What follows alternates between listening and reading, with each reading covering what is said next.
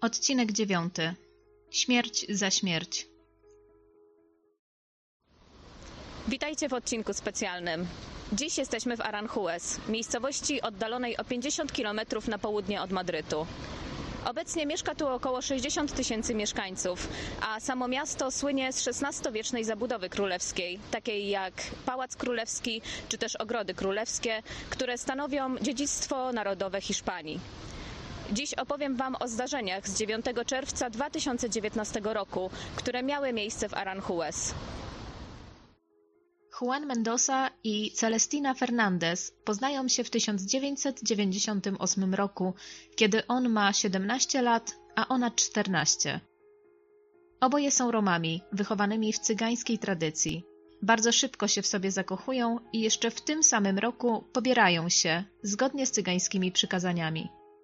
Oboje są szczęśliwi, a w kolejnych latach przychodzi na świat ich potomstwo. W sumie doczekują się piątki dzieci.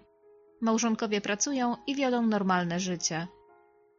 Ich sielanka zostaje przerwana w 2013 roku. Policja po dwóch latach śledztwa przeciw grupie handlującej narkotykami trafia na trop Juana Mendosy. Dociera do osoby z jego otoczenia, która zeznaje, że faktycznie Juan handluje narkotykami i przechwala się, że na wejściu do swojego domu zamontował stalowe kable, które przetną szyję ewentualnym niepożądanym gościom. Podczas przeszukania mieszkania małżonków policja odkrywa 30 gramów kokainy, 500 gramów haszyszu oraz dwie sztuki broni, na którą ani Juan, ani Celestina nie mieli pozwolenia. Oboje zostają zatrzymani. Tego samego dnia do wiadomości publicznej zostaje podana informacja o schwytaniu niebezpiecznego przestępcy z Aranjuez.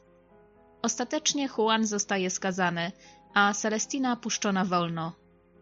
Podczas pobytu w więzieniu w Aranjuez Juan zaczyna współpracować z policją. Składa zeznania przeciwko innym Romom, nie tylko tym spoza Aranjuez, ale również tym z najbliższego otoczenia. Donosi między innymi na członka rodziny swojej żony i mówi, że ten sprzedaje duże ilości narkotyków do Ameryki Łacińskiej. W związku z tymi zeznaniami Juan zostaje dotkliwie pobity i od tej pory musi unikać innych skazanych. Mniej więcej po dwóch latach pobytu w więzieniu mężczyzna któregoś razu dostaje przepustkę i jedzie do swojej żony. Nie wraca jednak do więzienia i od tej pory jest poszukiwany przez policję. Mimo to Juan jest bardzo pewny siebie i nie stara się jakoś specjalnie ukrywać. W sumie wiedzie normalne życie.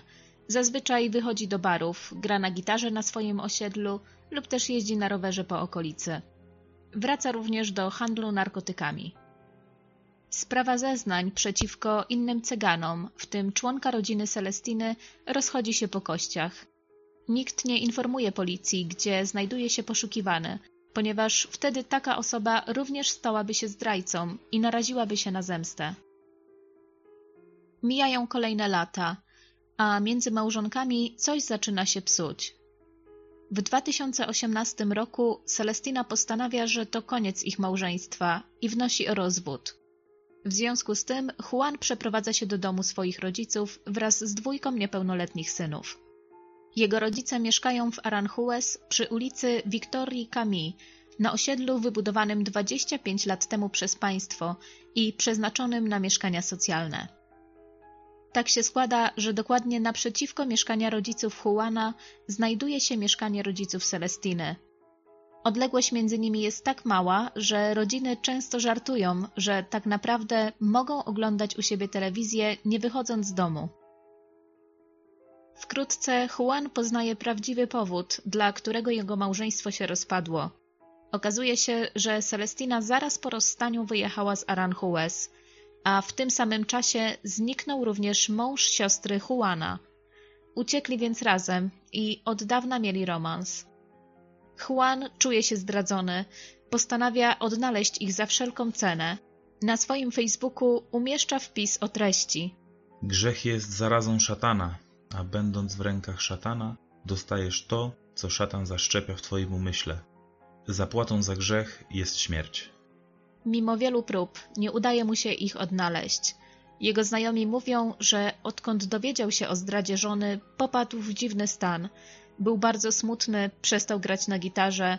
Ta sytuacja po prostu go przerosła.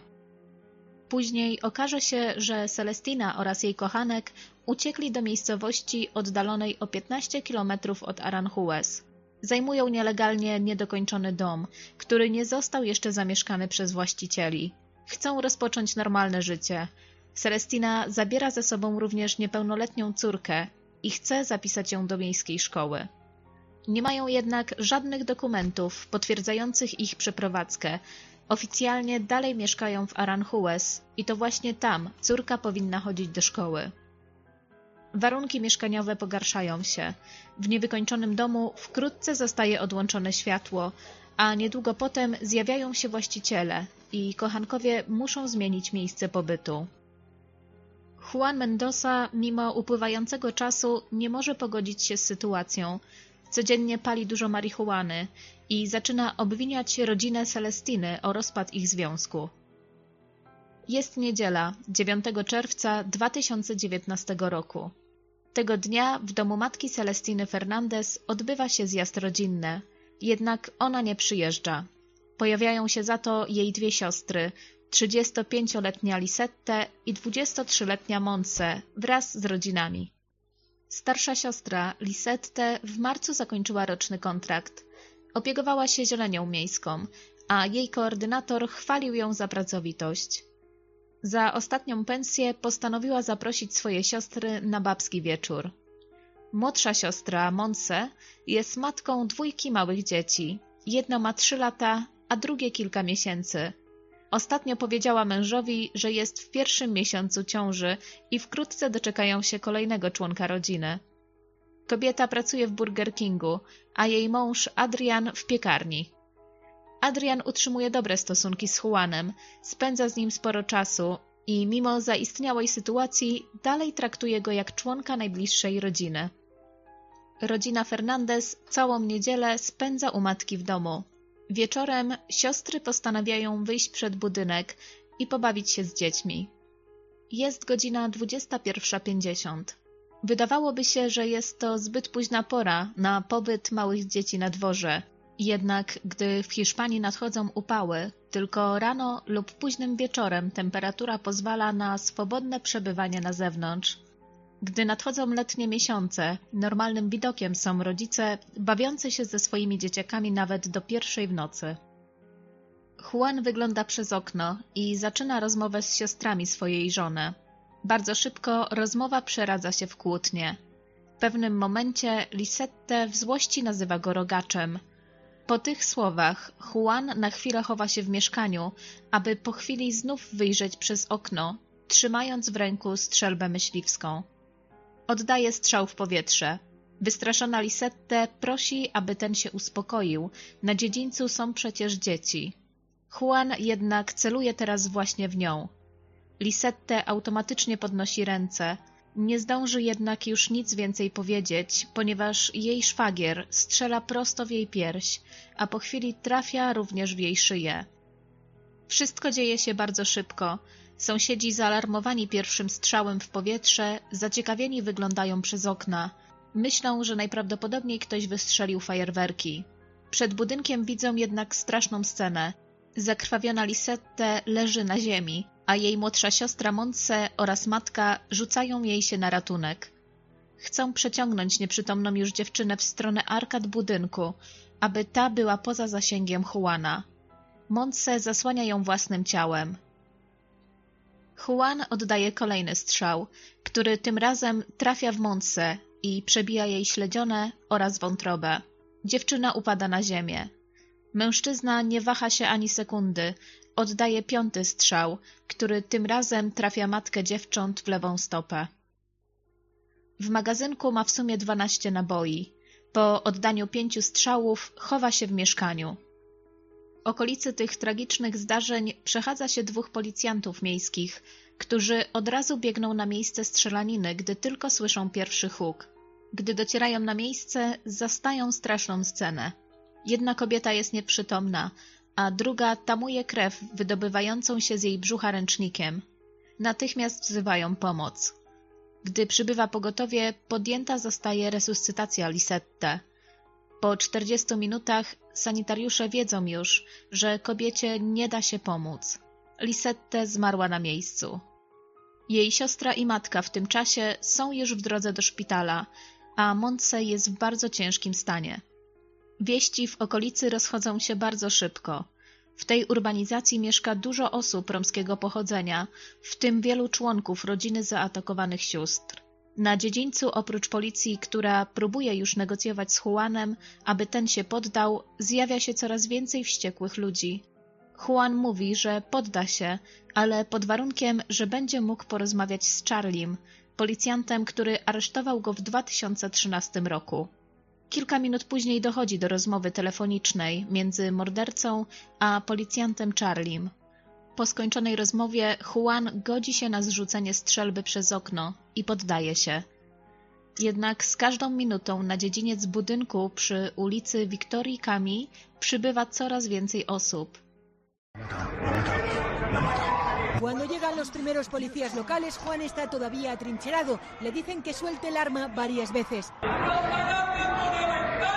Es una escopeta de doble cañón que ha tenido que recargar para disparar varias veces. Ha disparado a las tres mujeres, las hermanas de su exmujer y la madre. Policja wie, że zaraz dojdzie do zamieszek i proszą o wsparcie. Policjanci obawiają się, że zaraz dojdzie do samosądu, a sytuacja staje się coraz groźniejsza. En el segundo vídeo, Juan se ha entregado, sale del piso de su padre al que se había mudado tras la separación, ha tirado el arma por la ventana y la ha recogido un policía. Discusión familiar, pero ya digo, no, en principio no se ha tipificado como violencia de género. Los agentes locales han intentado reanimar a las tres mujeres. Una muere en la ambulancia con un tiro en el pecho. Pues gritos de ay, ay, ay. Juan Mendoza tiene antecedentes por tráfico de drogas y tenencia de armas. Aquí lo vemos en una operación policial hace seis años. Alardeaba de que iba a matar a un policía. Ponía cables de acero en la entrada a su vivienda para que se degollaran los policías. Ahora estaba otra vez en busca y captura. Postanawiają podstępem wyprowadzić Juana z budynku. Jeden z policjantów udaje, że dalej próbuje negocjować z mordercą przez okno, podczas gdy inni policjanci wchodzą w tym czasie do klatki. Juan otwiera drzwi dwóm agentom, którzy wyprowadzają mężczyznę z klatki schodowej prosto do podstawionego właśnie radiowozu. Dwie godziny później tłum orientuje się, że Juana nie ma już w środku. Chcą spalić budynek, ale ostatecznie policji udaje się zaprowadzić porządek. Członkowie rodziny zaatakowanych kobiet szybko dowiadują się, że strzelba, z której strzelał Juan, należała do jednego z jego braci. Kilka godzin wcześniej rodzina Juana przyjechała pod dom furgonetką i wnosili jakieś rzeczy do jego mieszkania. Zdaje się, że właśnie wtedy dostarczyli mu strzelbę. Potem znikli i nie było ich w swoich mieszkaniach, podczas gdy działa się tragedia. To przekonuje rodzinę Fernandez, że cała akcja została zaplanowana, a za wszystko odpowiada nie tylko Juan, ale także cała jego rodzina. Jeden z kuzynów, Lisette i Monse, umieszcza informacje na Facebooku o tym, co się stało i prosi o pomoc w odnalezieniu rodziny Juana. Celem jest zemsta. Wiadomość bardzo szybko osiąga 4000 udostępnień. Nie znalazłam jednak informacji o tym, aby doszło do kolejnych tragedii w akcie zemsty. Rodzina Juana zniknęła nie tylko z osiedla, w którym mieszkali od wielu lat, ale również opuściła miasto. Jeszcze tej samej nocy, w której doszło do strzelaniny, karawana składająca się z 30 samochodów krewnych Juana Mendosy wyjeżdża z miasta. Porzucają całe swoje życie, swoje miasto oraz pracę. Najprawdopodobniej nigdy nie wrócą już do Aranjuez w obawie o swoje życie. Jesteśmy na ulicy Wiktorii Kami. To właśnie na dziedzińcu tego budynku doszło do tragedii. Raczej do środka nie uda mi się wejść. Y, Wiem, że klatka schodowa miała numer 4, aczkolwiek podejdę bliżej, poszukam. Może uda się znaleźć dokładne miejsce. Tak wygląda dziedziniec z tego budynku. E, szukamy klatki numer 4. Tutaj była dwójka.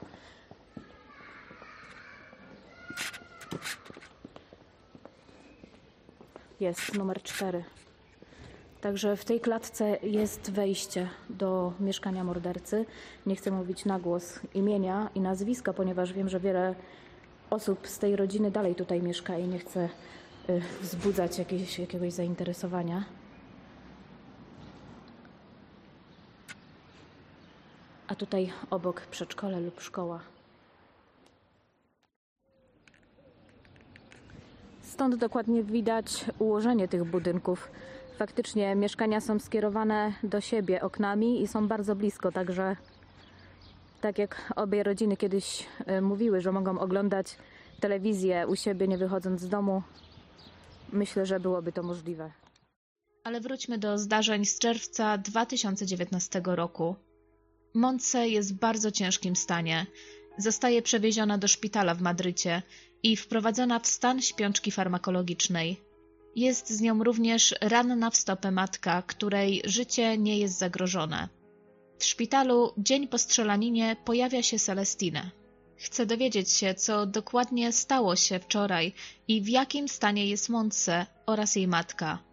Jednak jej rodzina jest na nią wściekła i obwinia ją za to, co się stało. Nie chcą jej widzieć ani znać. Celestina zostaje wygnana i opuszczona przez rodzinę. Po trzech dniach od strzelaniny w szpitalu w Madrycie Montse przegrywa walkę o swoje życie. Zostaje pochowana obok swojej siostry Lisette na cmentarzu Santa Isabel, oddalonego o półtora kilometra od domu swojej matki. Policja obawia się eskalacji napięcia między obiema rodzinami i że liczba umarłych wzrośnie po obu stronach. Dlatego zdecydowano się podjąć środki bezpieczeństwa i nad przebiegiem obu pogrzebów czuwali policjanci. Krewni zamordowanych kobiet nawet podczas pogrzebu wykrzykiwali groźby. Obiecywali zemstę i zabicie wszystkich członków rodziny Juana Mendozy, nawet tych z Saragossy, zgodnie z prawem cygańskim, śmierć za śmierć. Według nich Juan również jest martwy. Nie ma znaczenia, w którym więzieniu będzie przebywał. Rodzina Lisette i Monse w więzieniach ma swoich ludzi, którzy go zabiją. Aquí, la tenemos, pero ellos lo van a pagar. Van a ir, los muertos suyos los vamos a sacar del cementerio, los vamos a hacer porros con ellos, con sus muertos del paso. Nikt nie może zrozumieć, dlaczego Juan, zamiast zemścić się na mężczyźnie, z którym Celestine uciekła, postanowił zabić jej dwie siostry. Uważają go za słabego mężczyznę. Es Juanma, el marido de Lisette, asesinada de dos tiros en el pecho y en el cuello, dos hijos. La policía lo neutraliza cuando llega apresurado al juzgado. Está destrozado. Se oyen las sirenas. Traen a Juan Mendoza, el detenido. Es Adrián, el marido de Monse, 23 años, asesinada con un tiro en el abdomen. Dos hijas. La familia de las mujeres asesinadas esperaba para increparlo. Desgarrado, le llama demonio y le habla de las niñas. La menor, 11 meses. Adrián lleva su peluche. Las fuertes medidas de seguridad han impedido que se abalanzaran. Juanín ya pidió protección cuando disparó desde la ventana de su vivienda contra la familia de su mujer. Buscaba venganza, cree la policía, porque ella le había dejado y disparó a sus cuñadas y a su suegra. Hoy la pareja de Monse deseaba lo peor a Juan Mendoza. El marido de Lisette ha tenido que ser atendido por los equipos de emergencia. Juan zostaje objęty protokołem wyjątkowego bezpieczeństwa. Zostaje umieszczony nie w więzieniu w Aranjuez, a w więzieniu w Valdemoro i zawsze musi przebywać w towarzystwie zaufanego więźnia. Więzień cień nieustannie go obserwuje i pilnuje, aby ten nie popełnił samobójstwa. Nie wolno mu wychodzić, podczas gdy inni więźniowie są poza celami. Wytypowano także 30 osób, które mogą mieć jakikolwiek związek z rodziną Fernandez i zostają oni poddani dodatkowej kontroli oraz obserwacji. Policja rozpoczyna śledztwo i bada, czy zbrodnia była zaplanowana oraz czy faktycznie członkowie rodziny Juana pomogli mu w realizacji tego, co zdarzyło się 9 czerwca. Tymczasem sprawą coraz bardziej interesują się media, a rodzina Fernandez chętnie informuje o tym, jakie mają plany w stosunku do rodziny Mendosów. Informują, że zabiją wszystkich, nawet niedawno narodzone dziecko siostry Juana, które ta jeszcze karmi piersią. Mówią, że chcą go uderzyć tam, gdzie zaboli go najbardziej. Na swój proces czeka również Adrian, wdowiec po Montse. Tego strasznego wieczoru, gdy tylko dowiedział się o strzelaninie, tak szybko jechał na miejsce zdarzenia, że omal nie potrącił policjanta. W mediach pojawiają się krytyczne opinie skierowane w stronę organów ścigania. Wiele osób zastanawia się, dlaczego poszukiwany już kilka lat Juan, który nie wrócił do więzienia po przepustce, nie został odnaleziony w domu własnych rodziców. Jest to oczywiste miejsce, w którym policja powinna była go szukać. Gdyby policja wykonała swoje obowiązki jak należy, nie doszłoby do tragedii. 7 stycznia 2020 roku sędzia zamyka śledztwo w sprawie ewentualnych wspólników, którzy mieliby pomóc Juanowi w zaplanowaniu tej zbrodni.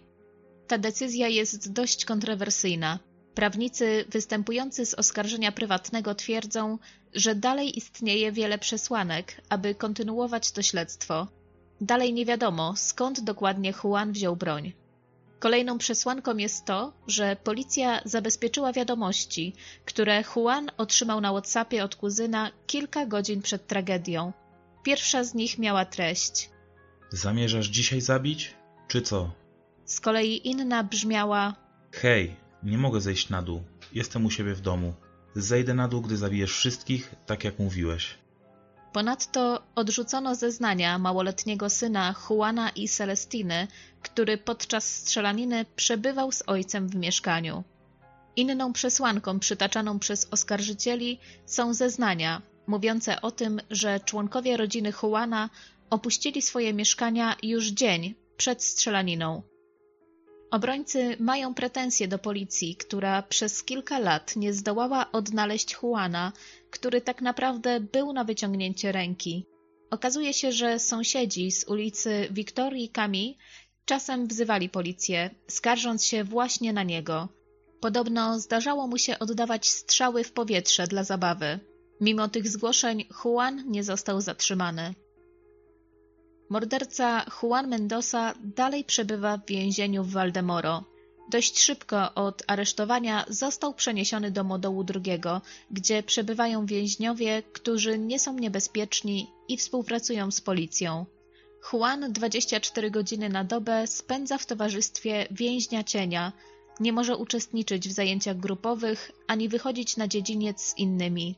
Według funkcjonariuszy czas, który może spędzać poza celą, zazwyczaj spędza w sali telewizyjnej, gdzie jest gitara i lubi na niej grać.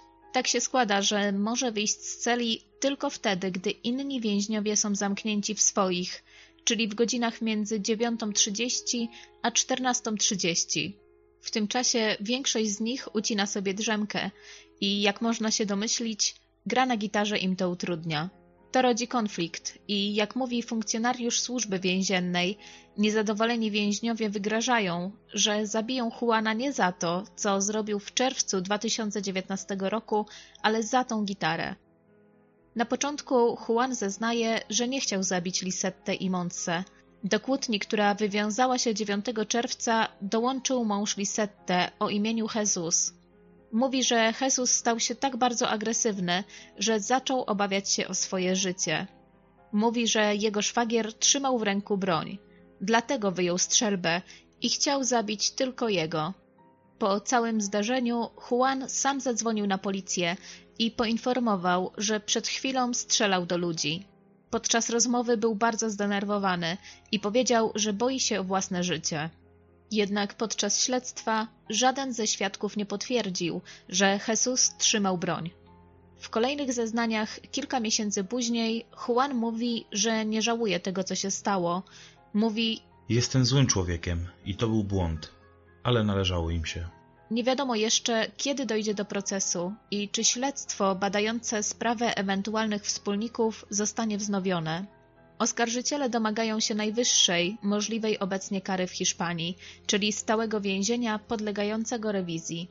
Kara ta istnieje od 31 marca 2015 roku i może być nakładana tylko za przestępstwa szczególnie poważne, takie jak terroryzm, morderstwo głowy państwa lub jego spadkobierców, morderstwo zagranicznych głów państwa, ludobójstwo, zbrodnie przeciw ludzkości, zabójstwa szczególnie poważne, przestępstwa przeciwko wolności seksualnej.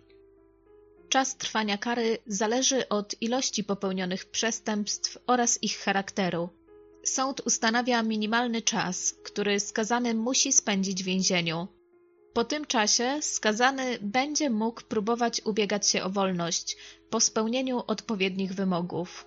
Sędzia wtedy ponownie analizuje sytuację skazanego i decyduje o jego dalszych losach, czyli dokonuje jego rewizji. Oznacza to, że skazany widzi horyzont wolności, ale z drugiej strony może to dla niego oznaczać dożywocie. Do tej pory na stałe więzienie podlegające rewizji zostało skazanych 14 osób. To koniec odcinka dziewiątego. Na razie nie wiadomo, kiedy dojdzie do procesu, ale oczywiście dam znać, gdy już dojdzie do wyroku. W tym miejscu bardzo serdecznie dziękuję pani, która 16 stycznia została moją pierwszą patronką.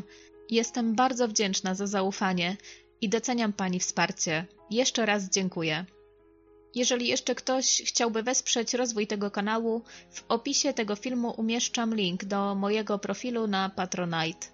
Obecnie zbieram na opłaty za platformę, dzięki której mogę udostępniać kolejne odcinki w formie podcastu. Dziękuję również za wszystkie subskrypcje na YouTube oraz na Spotify, a także za komentarze. Na dziś to już wszystko. Dziękuję za uwagę i do usłyszenia.